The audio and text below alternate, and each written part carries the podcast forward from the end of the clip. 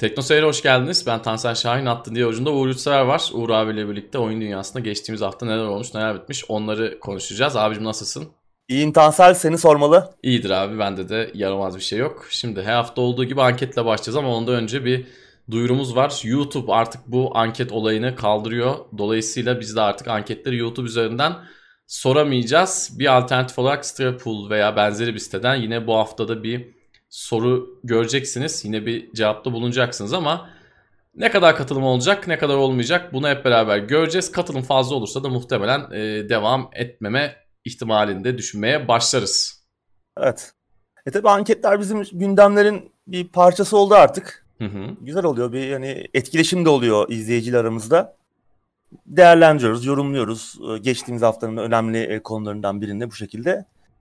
İyi oluyor. Bakalım umarım e, Strawpoll üzerinden falan da o tarz siteler üzerinden e, bir deneme yapacağız. Umarım katılım yine fazla olur. Biz de yine konuşmaya devam ederiz. Evet. Sadece biz kullanıyorduk galiba YouTube'un o özelliğini de.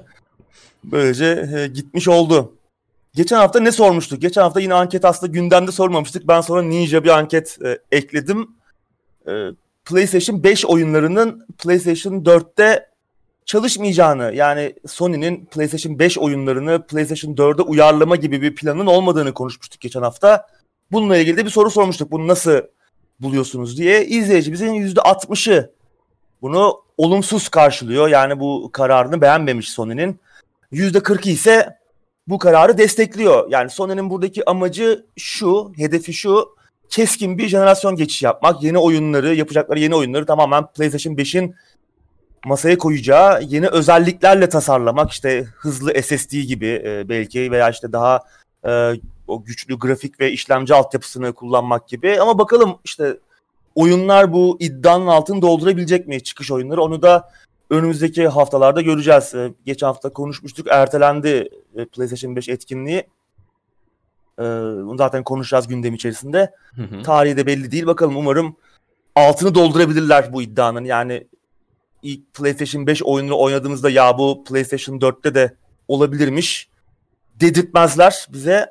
Bakalım benim umudum biraz düşük ama bu yeni e, yeni neslin ilk oyunlarıyla ilgili ama bakalım umarım bizi şaşırtırlar. Evet bir de Sony geri uyumluluk veya bu tarz şeyler konusunda pek iyi bir geçmişe sahip olmadığından dolayı yani biz buna çok daha fazla şüpheyle yaklaşıyoruz. Yani kendi iddiaları umarım tabii dedikleri gibi olur. Çok keskin bir jenerasyon geçişi olur. Biz yanılırız ama keşke en azından belli sayıdaki oyun Microsoft cephesinde olduğu gibi burada da çalışabilseydi eski konsollarda diyelim ve Evet. buradan ilk habere geçiyorum abi. Zynga Peak Games'i 1.8 milyar dolar karşılığında satın aldı. Evet, geçen haftanın olayı biz gündemi çektikten sonra hatta internete e, upload ederken Hı hı. e, bu haber e, gündeme bomba gibi düştü. Zaten biz genelde gündem kaydını yaptıktan sonra böyle önemli olaylar oluyor. Hatırlarsan gündemde e, CD Projekt Red'i bayağı gömmüştük bir gündemlerin birinde. Cyberpunk'tan da bir şey göremedik hala diye. Adamlar yarım saat sonra Hı hı. bir yayın açmışlardı. Canlı yayında 45 dakika oyun görüntüsü göstermişlerdi. Ee, genelde böyle e, ters köşe oluyoruz. Bakalım bu hafta ne olacak? Artık bir zombi istilası mı olur? Ne olur bilmiyorum. Ya tabii bu tarz haftalık yayınlarında dezavantajlarından biri bu. Yani bir olay oluyor siz çekim yaptıktan sonra bunu hani konuşmamış oluyorsunuz. Artık bu hafta değerlendireceğiz. Ee, hatırlarsan zaten bir süre önce Zynga Peak Games'in bazı oyunlarını satın almıştı. Bunu Evet. yanlış hatırlamıyorsam gündemlerden birinde konuşmuştuk yani o 2017 ya da dönemde. 2018'de böyle bir şey olmuştu. Belli bir kısmını satın almıştı diye hatırlıyorum. Evet şimdi de şirketin tamamını aldılar 1.8 Hı hı. milyar dolar karşılığında. Yani söylenecek de çok fazla bir şey yok. Yani müthiş bir meblağ, büyük bir başarı. Türkiye'den çıkan e, en büyük satın alma bu yani 1 milyar doları geçen Hı hı. e, satın alma. Yani bir unicorn, e, Türkiye'den çıkan ilk unicorn olma özelliği taşıyor. E, tabii bunun bir oyun şirketi olması ayrıca önemli bir olay. E, ki Zynga'nın da 13 yıllık tarihindeki en büyük satın almaymış bu. Tabii mobil oyun dünyasındaki en büyük satın alma değil. E, yanlış hatırlamıyorsam Activision e, King'i bu kendi Crush'ları falan yapan e, şirketi Activision Blizzard 5.9 milyar dolara veya 6 milyar dolar gibi bir meblağ satın almıştı. E, ama yine çok büyük bir başarı tabii. E, ülkemizden böyle bir şey, böyle bir e, girişimin böyle değerli bir şekilde satılmış olması önemli. Tabii geçen hafta boyunca ana akım medyanın da odak noktası ilk kez oyunların çocukları manyak yaptığı değil, işte oyun endüstrisinin aslında ne kadar e, büyük, ne kadar e, önemli olduğu üzerineydi. O da e, ilginç bir anekdot. Hızlı bir geçiş yaşandı hemen. evet. Buradaki büyük paralar göründükten sonra artık herhalde e, bilgisayar başında oyun oynayan ya da oyun geliştiren insanlara da manyak gözüyle bakılmıyordu. Çünkü oyun geliştiren insanlara da insanlar oyun oynuyor. İşte ne yapıyorsun? Oyun yapıyorum. Manyak mısın sen diyen aileler var. Çok Tabii. yakından bildiğim olaylar var. Dolayısıyla bu gerçekten güzel oldu. Ama hani bir mobil oyun şirketi bu. Keşke mobil değil de böyle senin benim gibi hardcore oyunculara daha çok hitap eden bir e, firma bu kadar büyük bir başarıya imza atabilseydi. Umarım ileride öyle şeyler de görürüz diyelim. Evet. Peak Games'i de yani oyundan hiç oynamadım. Bana hitap eden bir oyunu yok ama gerçekten tebrik etmek lazım. Çok çok çok büyük bir meblağ. Evet bunun Buradan... tabii tamamı nakit olarak olmuyor bu tarz satılanlarda biliyorsun. Hani bunun yarısı nakit, yarısı da hisse senedi olarak tamamlanacakmış bu satışın.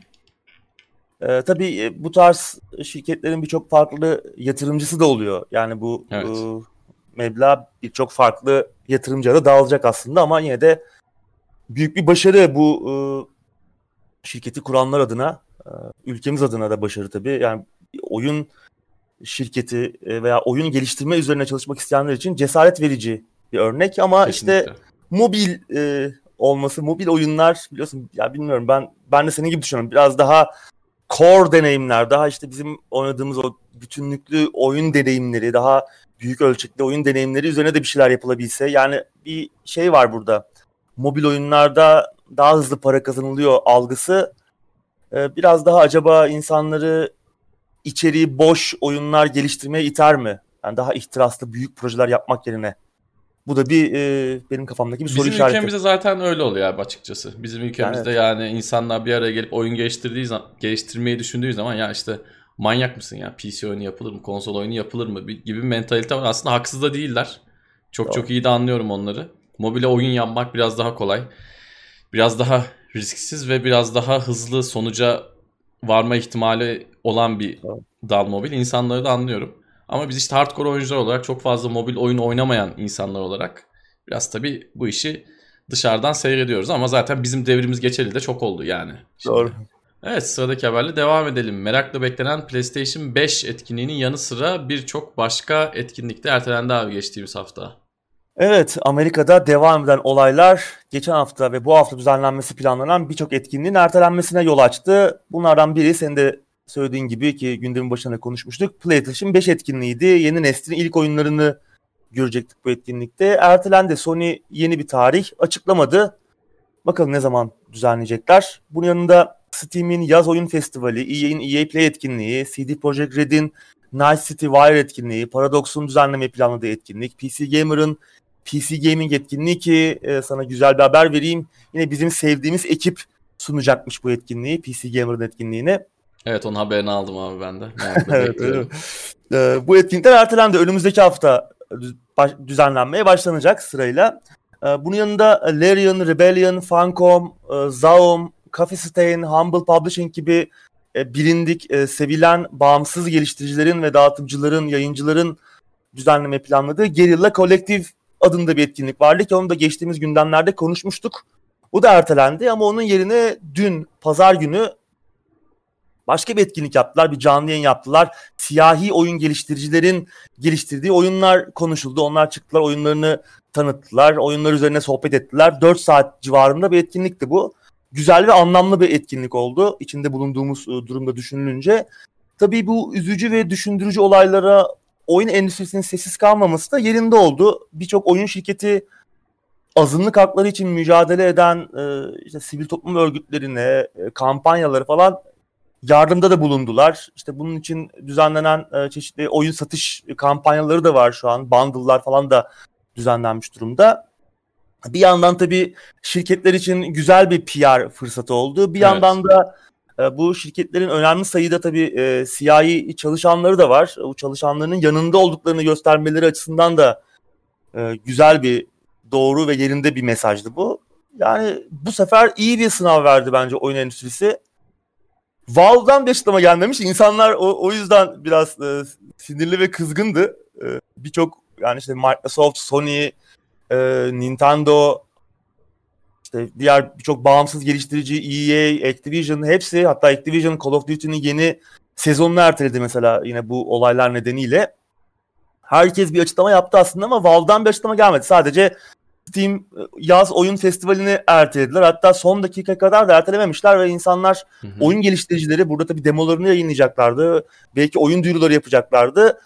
İki arada bir derede kalmışlar. Ne yapalım? Yani devam ediyormuş çünkü birçok etkinlik ertelenmiş durumda. E, Steam yaz festivali düzenlenecek mi düzenlenmeyecek mi? Son dakikaya kadar belli olmadığı için bir panik de yaşanmış oyun geliştiriciler arasında. Bakkal ee, bakkal vallahi Evet bakkal. yani çok kötü yönetmişler yine bu süreci. Bir açıklama da gelmeyince insanlar e, haklı olarak tepkide bulunuyorlar Valve'a.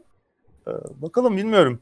Burada şunu söylememiz lazım ama ben e, Valve'la ilgili genelde eleştirilerde bulunuyorum ama şimdi bu kampanyalara destek veren firmalar bir anda gözümde melek olmuyor. Senin de muhtemelen Tabii. öyledir. Destek vermeyenlerin de bir anda şeytan olmaması lazım bence. Tamam Valve'ın çıkıp bir açıklama yapması lazım. Sonuçta dünyaca tanınan bir marka. Oyunculuk denince, PC oyunculuğu denince özellikle akla gelen ilk birkaç markadan bir tanesi. Yani eğer böyle bir du- durumda da bir pozisyon almadıysan, çıkıp bir açıklama yapmadıysan, bir bağış yapmadıysan en azından meslektaşlarını takip etmediysen bu bence büyük bir yanlıştır. Ha seni tabii ki bir şeytan yapmaz. Seni dünyanın en kötü şirketi yapmaz. Seni bir işte ayrımcı, e, ırkçı, cinsiyetçi yapmaz ama en azından bir açıklama yapsalardı, bir bir bağışta bulunsalardı daha hoş olurdu. Evet. Yani bunun da altını çizmemiz yani, lazım. Bağışa bile gerek yok. Bir açıklama yapılsa yani evet. Steam Oyun Festivali ertelendi hı hı. duyurusunda bile bir açıklama yoktu. Neden ertelendiğini bile söylemediler. Evet. Ee, biraz garip yani iletişim konusunda zayıf.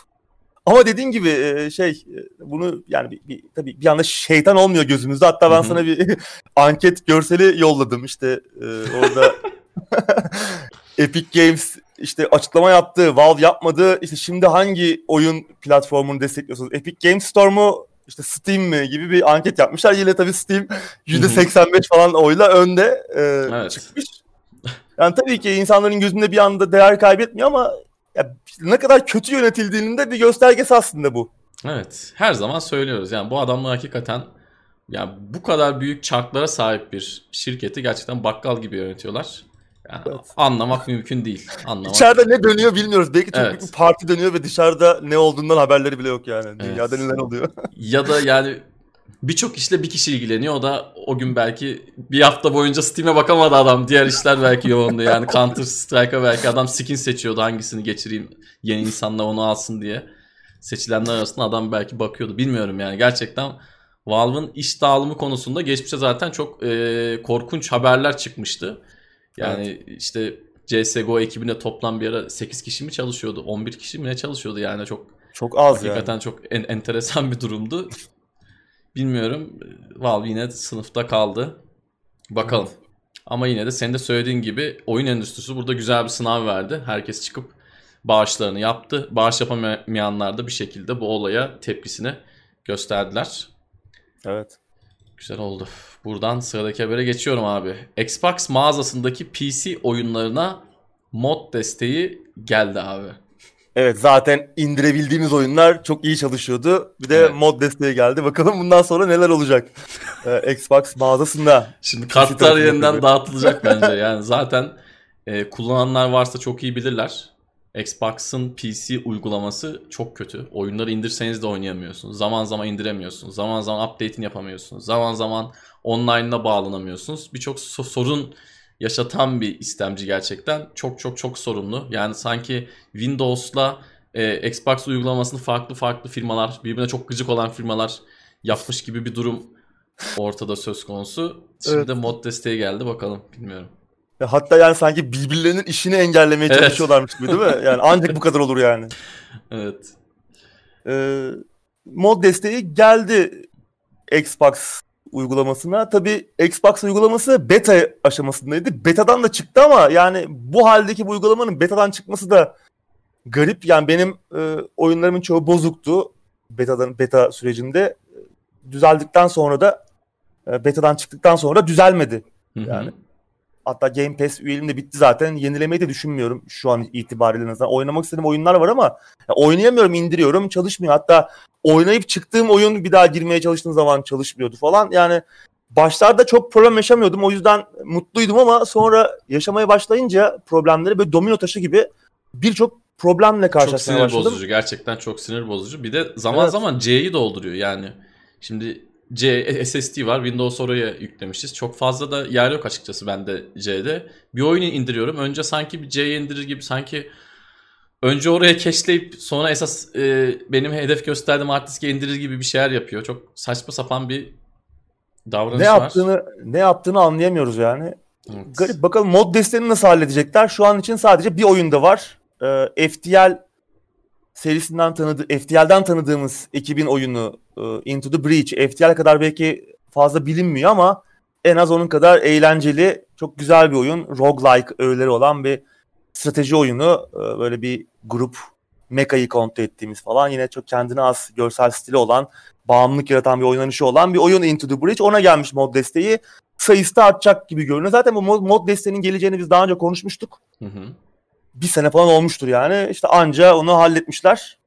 Bilmiyorum yani ama bu duruma da bir çözüm şart artık. Yani tamam mağazayı geliştirmeleri lazım. Tamam mod desteği geliyor, yeni özellikler ekleniyor ama bir anda çözülmeyi bekleyen bir tarafta çok fazla sorun var.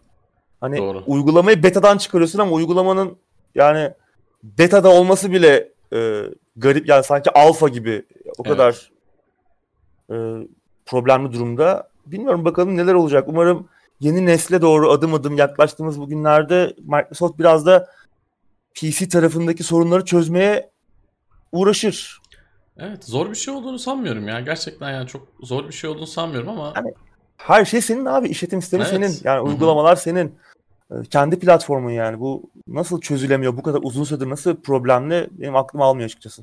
Evet yani Xbox mağazası değil Microsoft'un kendi mağazası da çok problemli. Yani Evet. oradan uygulama indirip kullanan vesaire var mı bilmiyorum ama orası da çok sıkıntılı gerçekten. Mod falan indirmeyin yani kesinlikle şimdi aman mod Evet. gelmiş bir bakayım falan demeyin. Ne, ne olacağı belli olmaz. Mavi ekrana kadar yolu var diyelim. Sıradaki habere geçelim. The Outer Worlds oyun yazımı konusunda Nebula ödülü aldı abi. Evet. Amerika bilim kurgu ve fantezi yazarlarının verdiği bir ödül Nebula. Hugo ödülleriyle birlikte aslında bu alanda verilen en prestijli ödüllerden biri. Genellikle roman ve kısa roman e, tarzlarında e, veriliyor, kategorilerinde veriliyordu ödül ama iki yıldır oyun yazımı da bu ödüllere dahil edildi. Gerçi geçen sene Netflix'in interaktif draması Black Mirror Bandersnatch almıştı bu ödülü. Yani bilmiyorum çok da parlak bir jüri Efsane bir Olduğu yazımı söylenemez. ee, bu yıl ise yani 2019 yılına ait e, ödül, oyun yazımı ödülünü ise The Outer Worlds aldı. Hem de Disco Elysium'un elinden. Ee, yani ilginç bir karar. Tabii Outer Worlds da kesinlikle kötü bir oyun değildi. Özellikle dünya yaratımı ve karakter yazımı konusunda, görev yazımları konusunda çok iyiydi gerçekten. Ama Disco Elysium belki ölçek olarak e, Outer Worlds'tan daha küçük bir işti ama çok farklı seviyede bir yazıma sahipti. Yani Farklı bana ilginç bir karar gibi geldi. Gerçekten çok farklı sikletteler. Ben de çok şaşırdım. Burada acaba senin de söylediğin gibi Disco Elysium'un daha büyük çapta bir oyun olmaması mı jüriyi geri itti bilmiyorum. Yani Evet. o- oyun yazımı konusunda şimdi iki oyunu insanlara sorsak işte %50'si birini sevebilir, %50'si diğerini sevebilir ama oyun yazımını sorun hangisi daha iyi yazıldı diye sorduğumuzda herhalde %100 herkes Disco Elysium diyecektir. Çünkü gerçekten ikisi bu anlamda çok farklı sikletteler. Evet. Enteresan. Enteresan. Yani değerlendirme kriterleri nedir bilemiyoruz tabii. Ama şu Evet. bir şu güzel bir şey yani e, oyun yazımının hani şimdi oyunlar artık birçok farklı e, ödül törenlerinde de dikkate alınmaya başlandı. Mesela işte BAFTA ödüllerinde Hı e, bile hani oyun ödülleri de ayrıca veriliyor. Bir yandan da oyun yazımının hani edebiyat çevrelerince kabul edilmeye başlanmış olması güzel bir şey ama biraz sanırım e, bir değerlendirme kriterlerinde bir anlamadığımız bir nokta var. Herhalde birkaç sene oturacaktır ya.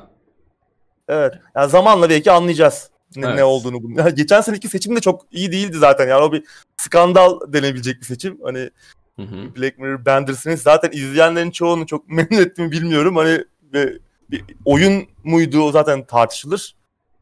Yazım konusunda ne kadar iyiydi o zaten bambaşka bir tartışma konusu. O garip bir karardı. Bakalım ama bu sene biraz geliştirmişler en azından bir oyuna vermeyi başarmışlar ödülü.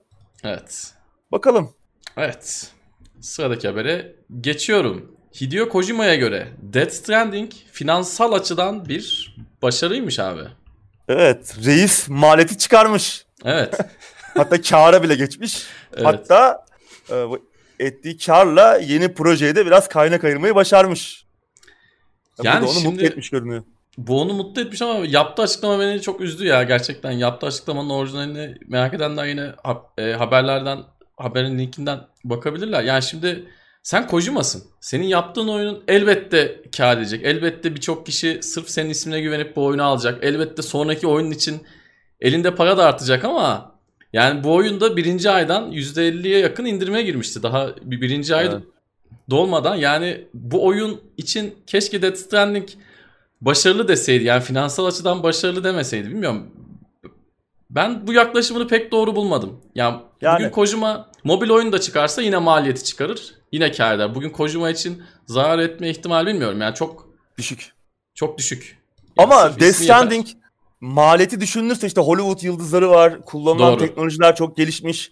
Batabilirdi yani. Çünkü oyunun zaten hani e, tasarım konusunda çok yenilikçi bir yanı da var. Yani çok herkese hitap etmeyen bir oyun. Kojima'nın oyunları genelde öyle oluyor ama biraz daha farklı bir şeydi yani farklı bir fikir vardı masada. Batabilirdi. Satış rakamları da çok iyi değildi zaten.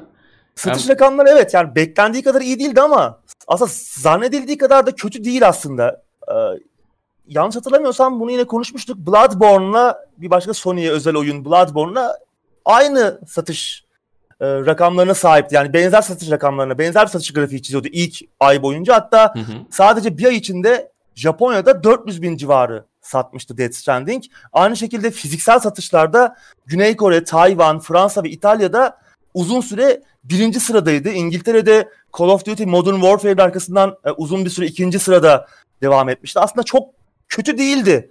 Ama yani sanıldığı kadar kötü değildi ama beklentilerin de tabii altında kaldığı bir Evet. gerçek.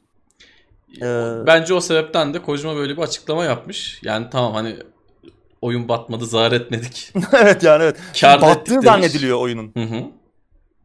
Doğru. Bilmiyorum ya keşke oyunun akıbeti daha iyi olsaydı. Oyun daha iyi olsaydı demiyorum kesinlikle. O, o kadar oyuna zaman harcamadım. O yüzden onu demem doğru olmaz ama oyunun akıbeti keşke daha iyi olsaydı. Keşke böyle bir açıklama yapmasaydı. Ben üzüldüm yani. Hani Ko- Kojima gibi Evet. sektörün bu kadar veteran bir isminin yani tamam kar ettik. Sonraki oyunun parasını da çıkardık. Sıkıntı yok demesi beni biraz üzdü açıkçası.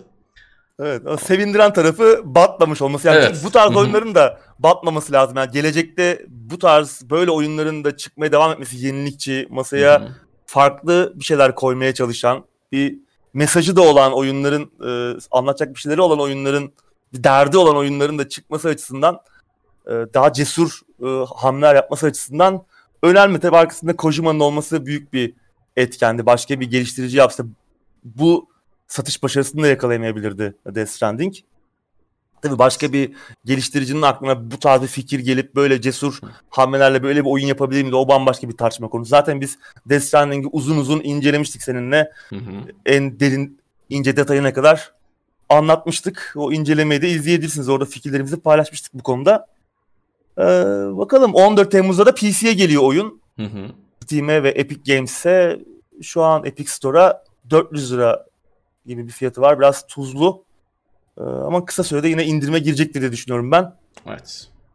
Ee, Steam'de şu an tabii istek listesine en çok eklenen oyunlar e, listesi var, sıralaması var. Burada da 5. sırada görünüyor. Cyberpunk, Dying Light 2, The Outer Worlds ve Baldur's Gate 3'ün ardından 5. sırada Death Stranding. En çok istek listesine eklenen oyunlarda.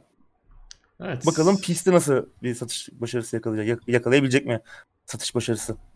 Hep beraber göreceğiz. Ama Kojima Merak herhalde ediyoruz. sonraki oyunda bu kadar cesur olmayacak. Bana öyle geliyor. Sadece tahmin. Evet. Hiç belli olmaz tabii. Evet sıradaki habere geçelim. Bu gerçekten haftanın en enteresan haberi herhalde. A Total War Saga Troy ilk 24 saat Epic Games Store'da ücretsiz olacakmış. Bu herhalde yani bugüne kadar yapılmış en büyük hamlelerden biri oldu bedava Evet. oyun verme anlamında.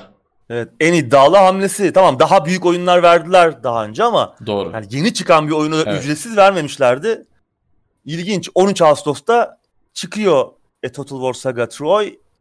24 saat süreli de ücretsiz olacak. Tabii sonra liraya satılacak bunu bilmiyoruz.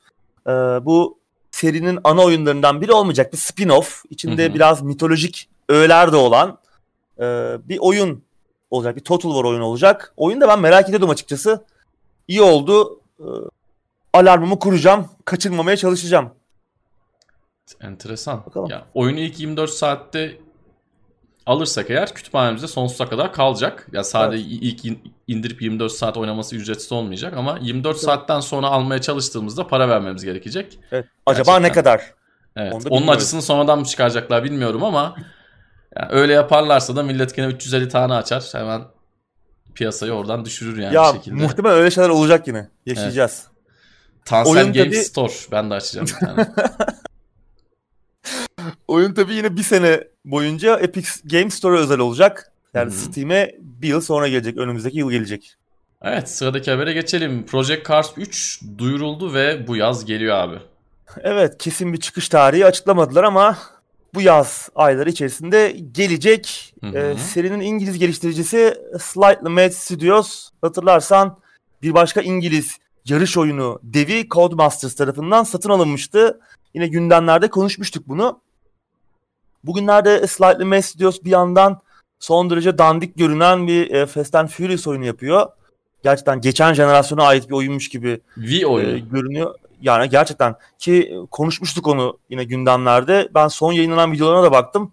Yani hiç iç açıcı değil. Bunun kime satacaklar, ne olacaklar? Acaba oynanışta mı bir eğlenceli bir tarafı olacak bilmiyorum ama e, hiç iyi görünmüyor. Bir yandan bu oyunu yapıyorlar, bir yandan da gerçekçi sürüş deneyimine önem veren oyunculara hedef alan Project Cars serisinin yeni oyununu duyurdular. Üçüncü oyun geliyor.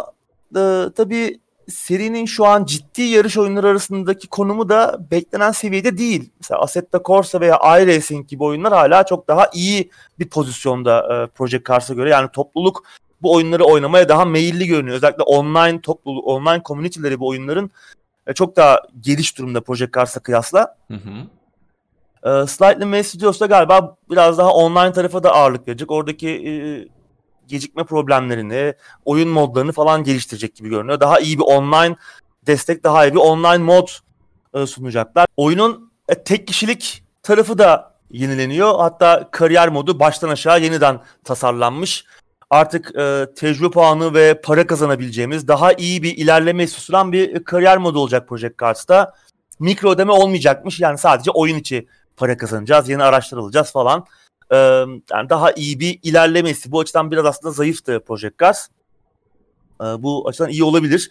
Ee, bunun yanında otomobilleri geliştirmek de mümkün olacak. Yani modifiye yapabileceğiz.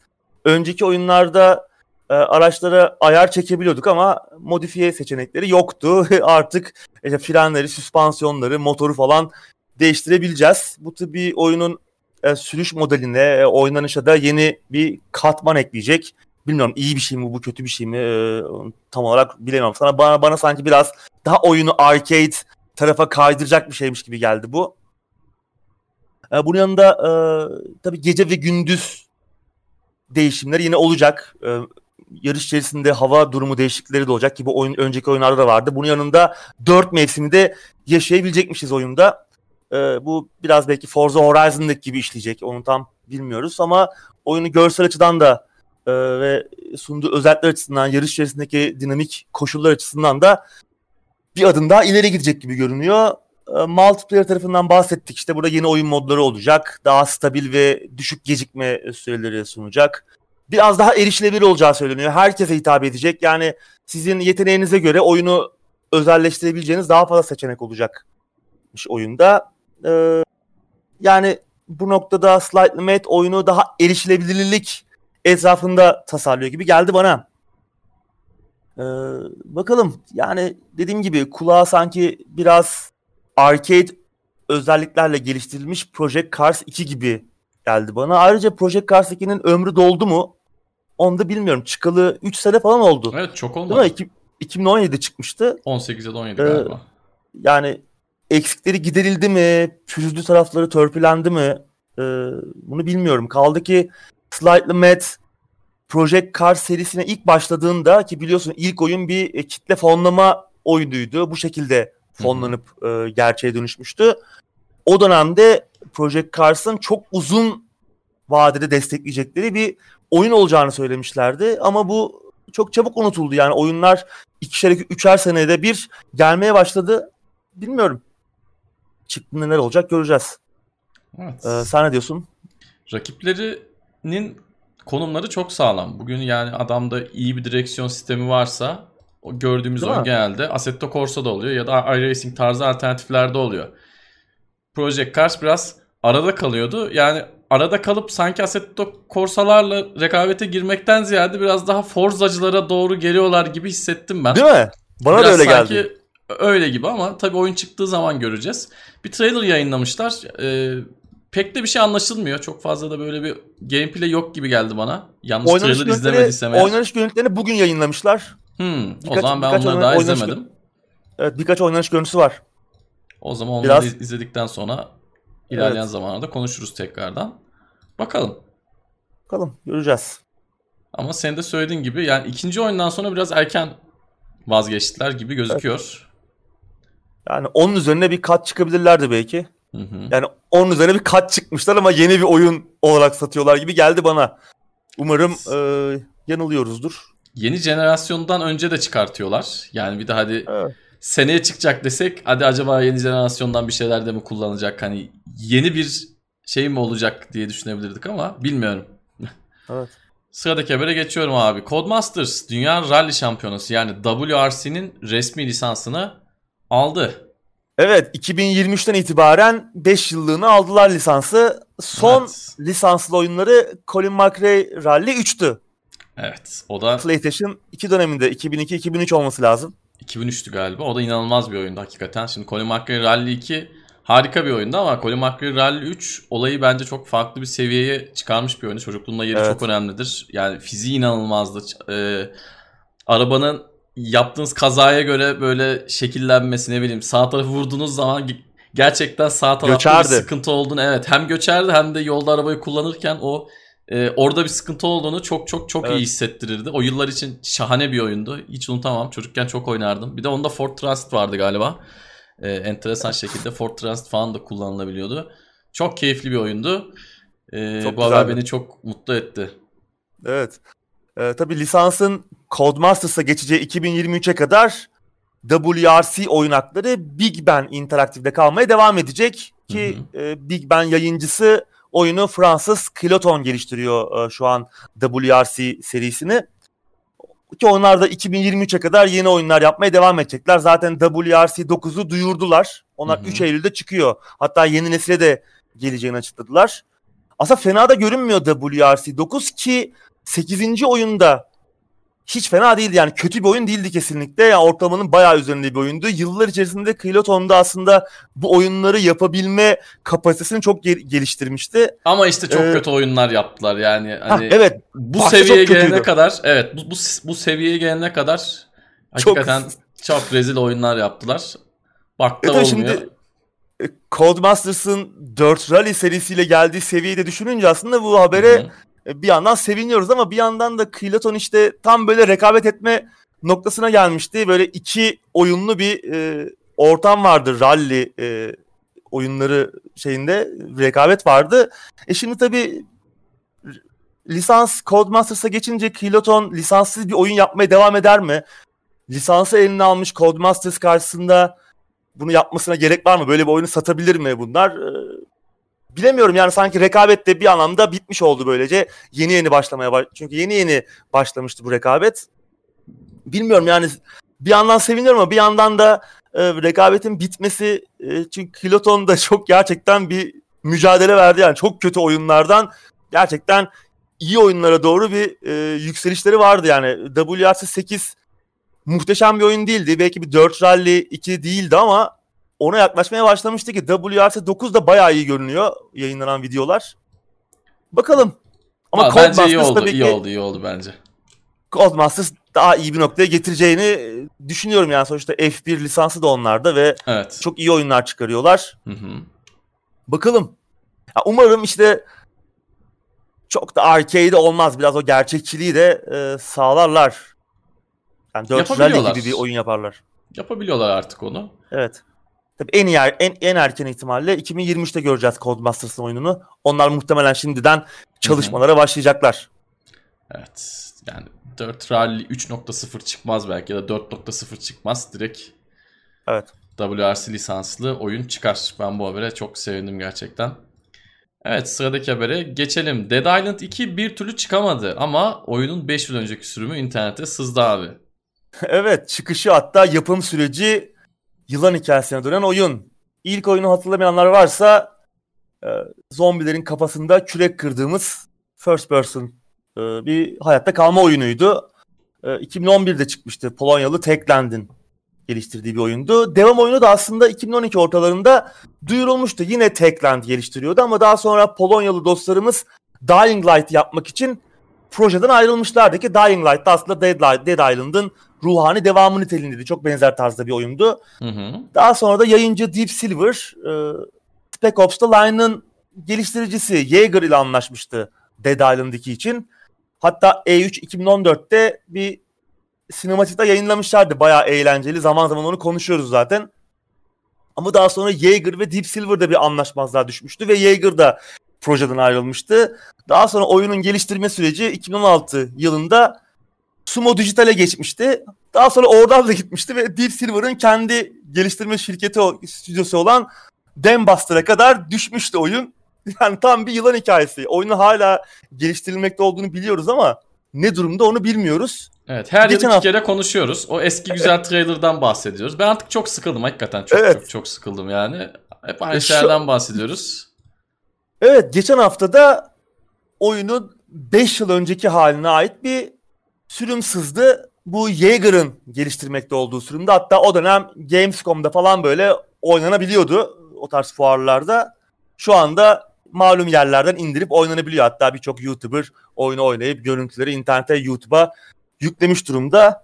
Yani neredeyse 10 senedir geliştirilmekte olan bir oyun için fena görünmüyor. Tabi bu oyunun o cehennem e, geliştirme cehennemi denen sürece sürüklenmeden önceki hali e, bilmiyorum ya. Yani çok tatsız bir süreç. Evet. Acaba çıkacak mı Dead Island'daki şu an ne, ne durumda onu da bilmiyoruz zaten. Bakalım. Yani eğer e, indirip bakmak isterseniz malum yerlere göz atabilirsiniz. Biz burada e, linkini falan vermeyelim.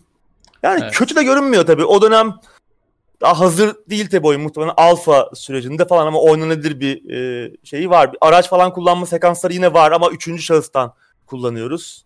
O e, yayınlanan E3 2014'te yayınlanan trailer'a benzer bir eğlenceli bir havası da böyle aydınlık. Ki ilk oyun da aslında öyleydi. Bir tatil beldesinde geçiyordu. Yine ona benzer e, temada aslında aynısından daha fazla gibi. Yani çok da bir gelecek vaat etmeyen bir tarafı da var. Ee, sanki Dying Light ta geçerek Techland en başta iyi bir karar vermiş gibi. Deep Silver'ın Ona ben de katılıyorum. Geliş...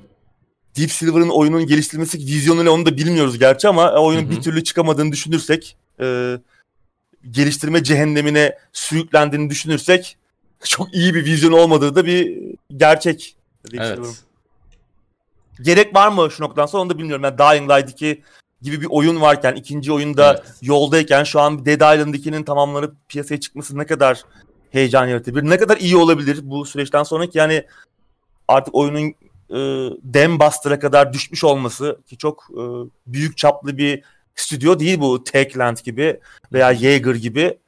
E, bilmiyorum yani artık umudumuzu iyice kestik. Ya bir de insanlar artık bu oyunu varlığını unuttu, bu oyunun geliştirdiğini evet. unuttu, birinci oyunu unuttu. Eskisi kadar zombi survival modası artık yok. Yani yok. Şu an birinci oyun olmayacak bu.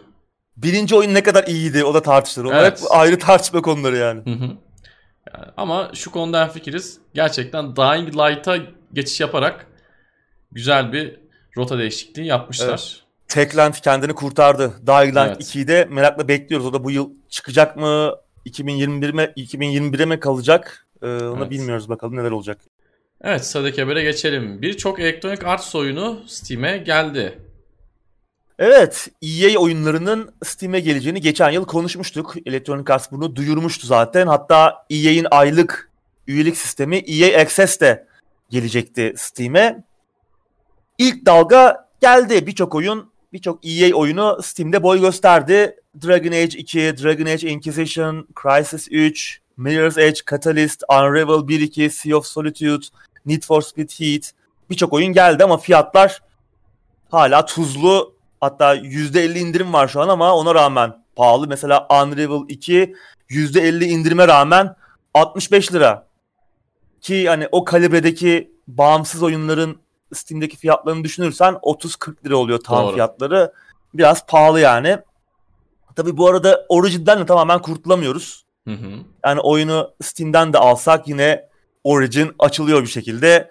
Yani bir Steam'le Uplay entegrasyonuna benzer bir durum var. Yani anlaşılan EA e, Steam'i bir mağaza vitrini olarak kullanacak. Belki buna bu şekilde Origin'in de kullanımını arttırmayı hedefliyorlar. Bilemiyorum yani. Ee, ama birçok oyun geldi. Devamında gelecek işte Battlefield'lar, işte Titanfall'lar. Onlar da yoldadır belki. Apex Legends belki bunlar da gelecek önümüzdeki süreçte.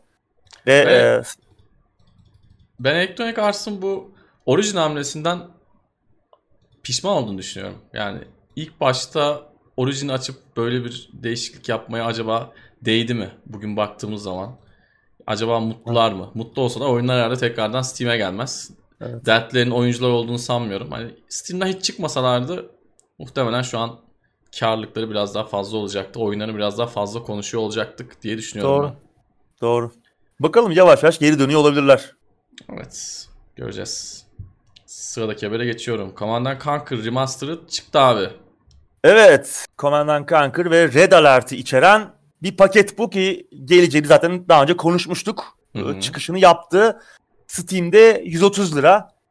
Ee, ayrıca bildiğim kadarıyla biraz önce konuştuğumuz o Steam'e gelen EA oyunlarındaki gibi orijine de ihtiyaç duymuyor. Oyun ayrıca orijinde de var ama bunu Steam'den alırsak sadece Steam'de çalışıyor. Bildiğim kadarıyla yani orada bir not düşmemişler. Bu oyunu alırsanız orijinde yüklemeniz gerekiyor gibi bir not yok. Bu oyunu alırsak. Belki de siz zaten biliyorsunuzdur bunu diye yazmadılar. Bilmiyorum. Olabilir. Göreceğiz Diğer oyunlarda var. Ya bunda yok hı. galiba. Yani umarım EA yayınlayacağı, da yayınlayacağı yeni oyunlarda e, bu şekilde bir kullanıma gider. Yani Origin'i yine yükletmez. Hani belki şu an mevcut hali hazırda çıkmış Origin'de olan oyunları tamamen Origin'den koparmak zor olabilir, Evet. maliyetli olabilir. Belki ona değmiyordur. Attıkları Hı hı. taş, ürküttükleri kuşa değmeyecektir belki ama e, belki yeni gelecek oyunlarda, yeni Electronic Arts oyunları Steam'de yayınlandığında orijine ihtiyaç duymaz. Umarım böyle olur yani Command and Conquer Remastered gibi olur. Oyun da iyi görünüyor bu arada. E, yorumlar falan çok iyi. E, elden geçirilmiş görselleri de beğenmişler. Tek tuşla eski görsellere de dönebiliyormuşuz. Bunun yanında işte arayüz modernize edilmiş, geliştirilmiş. Harita editörü eklenmiş. E, ayrıca bu oyunlar için yayınlanmış 3 büyük eklenti paketi de yine bu e, remaster paketine dahil, bu koleksiyona dahil. E, iyi görünüyor. Hatta oyunun Steam ve Origin versiyonları arasında bir crossplay de varmış multiplayer tarafında. Bu da önemli. Yani Tabii. oyunu bir arkadaşınız Origin'den aldıysa hani arkadaşlarınızı kesmeyin. Birlikte oynayabiliyorsunuz. Yani bir Warcraft 3 Reforged durumu yok burada. Öyle görünüyor. Herkes memnun. Biliyorsun oyunu remaster eden ekip de aslında orijinal seriyi geliştiren Westwood ekibinden önemli isimlerin olduğu Petroglyph. Yani aslında seriye hakim bir ekip. Umarım yeni bir oyun da yaparlar. Hazır EA ile tekrar bir araya gelmişken. Düşük bir ihtimal olsa da bakalım. Şu an iyi görünüyor. Serinin hayranları alıp oynamaya başlamışlar. Tabii 130 lira yine Evet. hala biraz tuzlu. Bunun e, 20 dolar olması lazım şu an yurt dışındaki fiyatı bu paketin. Evet. Burada şunu da söylememiz lazım. Ben bu tarz remastered oyunlarda en çok sevdiğim özellik senin de demin bahsettiğin hani eski görsellere çabuk dönebilme olayı. Çünkü Evet. birçok insan bunun yenilenmiş görselleriyle oynamak istemiyor. Adam sadece günümüz sistemlerinde eski oyunu düzgün çalıştıramıyor. Dolayısıyla sadece hani sistemimde düzgün çalışsın diye adam bu oyunu alıyor. Yenilenmiş görsellerde oynamak istemiyor olabilir. Bence şu an bu oyunu oynayan birçok Evet. kişi de o eski versiyonlarını o, o- e, oynuyordur. Eski görsel ha- hallerindeki şeklinde oynuyordur. Bu çok güzel bir özellik. Bunu bu tarz oyunlara koymaları beni çok mutlu ediyor. Ben de eğer böyle bir özellik varsa oynadığım yenilenmiş oyunda kesinlikle eski görsellerle oynuyorum. Evet. Önemli Tek tuşlu şey. olması da güzel. Yani evet. bir tuşa basıp ama hani oyun içine girip ayarlardan falan bir e, şey çekmeye gerek yok. Evet. Tabii oyunun en güzel yanlarından biri o gerçek videolardı, ara Hı-hı. sahnelerdi. Onların orijinallerine ulaşamamışlar. E, var olanları upscale etmişler. E, bu da bir şeydir. Evet. Chain abimiz e, yine arzı endam edecek. O videolar da ayrı bir efsanedir. Yani seriyle yolunuz kesişmediyse bile sadece o videolara da bir bakmanızı öneririm. Bugün YouTube'dan evet. falan bulunabilir diye tahmin ediyorum. Müzikleri çok iyidir. Onları evet. da yine elden geçirmişler. Hatta daha yeni müzikler de eklemişler. Yeni içerikler de var oyunda aslında. Sadece yani birebir bir eski oyunu alıp remaster etmek değil. Daha önce PC için yayınlanmamış bir takım içerikler de eklemişler falan. Güzel bir paket olmuş bu. Yani e, genelde remaster olaylarını çok sevmiyoruz ama e, Command Conquer sanırım e, bunu hak eden ender oyunlardan, ender serilerden biri. Evet. Biraz tuzlu ama e, serinin takipçileri, e, hayranlar için bence çok da pahalı değil. Zaten sık sık indirime de girecektir. Ben de indirim ilk indirimde almak istiyorum. İstek listesine ekleyelim. Evet. Sıradaki habere geçiyorum. Yine bir remaster haberi ve son haber. Kingdoms of Amalur remaster'ı duyuruldu. Evet geçen sene THQ Nordic'in Kingdoms of Amalur'un haklarını aldığını konuşmuştuk ve hı hı. hiç gerek yok ama muhtemelen bir remaster yapacaklar demiştik. Haklı çıktık ne yazık ki e, yanılmamışız. Yani Kingdoms of Amalur Re-Reckoning'i duyurdular. 11 Ağustos'ta geliyor. Daha iyi görseller işte elden geçirilmiş rafine edilmiş oynanış falan e, olacakmış. Ama işte sıradan ve özensiz dünya yaratımı ve vasat hikaye konusunda ne yapacaklar? Onu bilmiyorum yani. Asıl e, elden geçmesi gereken yanları oydu ben, bence oyunun. Çok büyük bir beklentiye çıkmıştı o dönem. Evet. Ee, daha da önemlisi çok büyük bir maliyetle yapılmıştı. Oyunun dünyasını, lore'unu yaratması için çok önemli fantezi edebiyatı ustalarından Array Salvatore'la anlaşmışlardı. Oyunun dünyasının büyük bir kısmını o yaratmıştı ama çok da orijinal bir iş değildi ne yazık ki. Oyun da zaten çok büyük başarısızlık oldu. Hem ticari anlamda hem kritik anlamda bir başarı yakalayamadı. Yanlış bilmiyorsam 3 ayda 1 milyon falan gibi bir e, satışa ulaşabildi. Daha sonra oyunun geliştiricisi EA'in beklentilerini aştık. Aslında oyun iyi sattı falan dedi ama e, bu biraz böyle hasar yönetimine yönelik çok başarısız bir açıklamaydı. Yani oyun batmıştı açıkçası. Çünkü çok büyük bir maliyeti vardı. Yani 70-80 milyon dolarlık gibi bir maliyetle yapılmıştı ve bunun çok çok daha azını ancak e, karşılayabilmişti oyun. Bir başarısızlıktı yani. Çok da iyi değildi açıkçası. Yani tamam oyunun oynanışı, loot sistemi falan eğlenceliydi ama işte diğer geri kalan her tarafı vasattı yani. Veya en iyi tabirle geçer di bilemiyorum ya artık. En büyük olayı beklentilerin şey... çok altında kalmıştı. Ya hat hatırladığım kadarıyla ilk çıktığı zamanlar evet. senin de demin söylediğin gibi esas hani altı çizmesi gereken nokta büyük beklentilerle bu oyun duyuruldu edildi ama çıktığı zaman hani insanlar yüzüne şöyle bakıp bıraktılar. Evet. Ya ben bitirmiştim ama yani çok mutlu mu oldum? Hayır. Yani zaman kaybı gibi gelmişti. Yani benim daha önce oynadığım oyunlardan çok daha farklı bir şey, daha orijinal bir fikir hiçbir şey görmemiştim. Hatta onların çok daha gerisindeydi. Hem hikayesi hem dünyası. Yani orijinal farklı bir şey yoktu içinde. Ya, oynanışı eğlenceliydi. Tamam kötü değil diyemem ama yani bilmiyorum bu oyunun remaster etmenin ne anlamı var onu bilmiyorum. Var tamam iyi oyunlar biraz önce konuştuk. Command Conquer işte birçok oyunun işte Mafya 2 ben onu bile hani artık kabul ediyorum tamam hani onlar yine iyi oyunlardı. Kötü oyunlar diyemeyiz ama yani Kingdoms of Amalur'u remaster etme bence unutulması gereken oyunlardan biri. Yani bir daha e, uğramamamız gereken oyun dünyalarından biri. Bitti bu başarısız oldu yani çok anlamıyorum ya. Bu remaster olayını da anlamıyoruz zaten de. Hani artık iyi oyunları falan geçtik onlara bir şey demiyoruz ama artık vasat oyunları da remaster etmeye başlamış olmaları e, tadımı kaçırıyor benim. Yani bu yeni nesil gelse de ne olacak bir görsek artık. Ben artık yani gerçekten evet. bu nesilden bıktım ya şu son zamanlar. Tamam birkaç güzel oyun geliyor ama e, yani bu remaster furyası beni açıkçası oyunlardan soğutacak. 3-4 senelik oyunlar bile artık remaster evet, olarak tabii. karşımıza geliyor. İşin iyice cılkı çıktı. Bilmiyorum. Ya ben zaten açıkçası yani son geçtiğimiz 10 yılda önceki 10 yıla nazaran hem oyunlardan hem de internetten hem de teknolojiden aldığım keyif gitgide azalmaya başladı. Belki artan yaşla birlikte. Yaş 28 oldu. 30'a belki yaklaştığım için bilmiyorum ama gerçi sen de böyle bir durum pek sezmedim gibi ama sen benden çok büyük Ya olmana ben- rağmen Ben de yani yeni güzel fikirlere karşı hala bir açlık var bende ama yani şu da bir gerçek ki e, o yaşla azalan bir şey değil o heyecan. Gerçekten de e, oyunların içeriği seyreliyor. Yani Evet. iyi iyi fikirler e, yapmakta zorlanıyor oyun endüstrisi. Bunu da işte bu remasterlarla görüyoruz zaten. Adamlar fikir bulamıyor. Gidiyor 20 sene önceye mafya biri yeniden yapıyor yani. evet. Çünkü yeni bir mafya yapacak e, fikir, e, emek, ihtiras yok. doğru. E, o doğru. heyecan yok. O heyecan onlarda da kalmamış. Fikir de bulamıyorlar. E, belki teknoloji onların önünde bir engel. Bilemiyorum. Belki orada da bir e, şey var. Bir darboğaz var.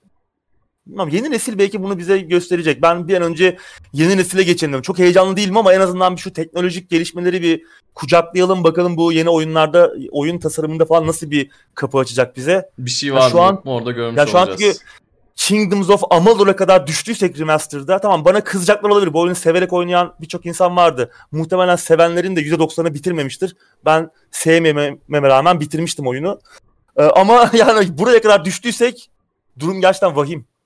Yani Evet. ben buradan yeni bir oyun falan da gelmesini e, pek e, şey yapmıyorum yani olumlu karşılayamıyorum yani. Ya yeni- yeni bir şeyler lazım artık. Yeni bir oyun fikri olsa biraz daha saygı duyarak anlatırdık. Yine belki gerek yok derdik. Evet. Ama çok jenerik bir dünyası var yani çok sıradan. Yani Araya Salvatore gibi bir isme yakışmayan e, ki zaten tamamını da o yaratmadı bu evrenin ama bilmiyorum yani iyi bir iş değildi gerçekten. Kötü de diyemem ama yani iyi bir iş değildi. Yani yeniden oynamaya, yeniden böyle karşıda çıkmayı hak eden, değen bir iş değil. Bilmiyorum bana kızanlar da varsa, çok sevenler varsa da kusura, bakmasınlar. Benim düşüncelerim bunlar. O kadar çok böyle oyun oynadık ki yani artık bir, bir tanesine daha ihtiyaç yoktu. O dönemde bile yani 2012'de bile böyle bir oyuna ihtiyaç yoktu. 2020'de hiç yok. Ee, Umarım görmem ben bunu. Epic Store'a falan gelir. Steam'de Karşıma önüme çıkmaz diyorsun. çıkmaz. Evet. çok da gömdük ama bilmiyorum artık başımıza neler gelecek. Bu haftanın haberleri bu kadar abi. İki tane remaster haberiyle kapattık. Evet. Anketi düşünmedik. Artık bir şey sorarız. Aşağıya videonun açıklama kısmında linki ekleriz. Evet. Öyle bir devam etmeyi deneyeceğiz. İlgi gösterirseniz devam edeceğiz. Oyların sayısı fazla olmazsa muhtemelen devam etmeyiz. Böyle bir karar aldık. Dediğimiz gibi bizle alakalı değil. YouTube bunu kapatmak istedi. Kanal olanlar zaten bilirler. Bildirim gitmiştir. Ağzına sağlık abi. Teşekkür ederiz. Sağ ol Tansel senin de. Evet haftaya tekrardan görüşmek üzere. Hoşçakalın.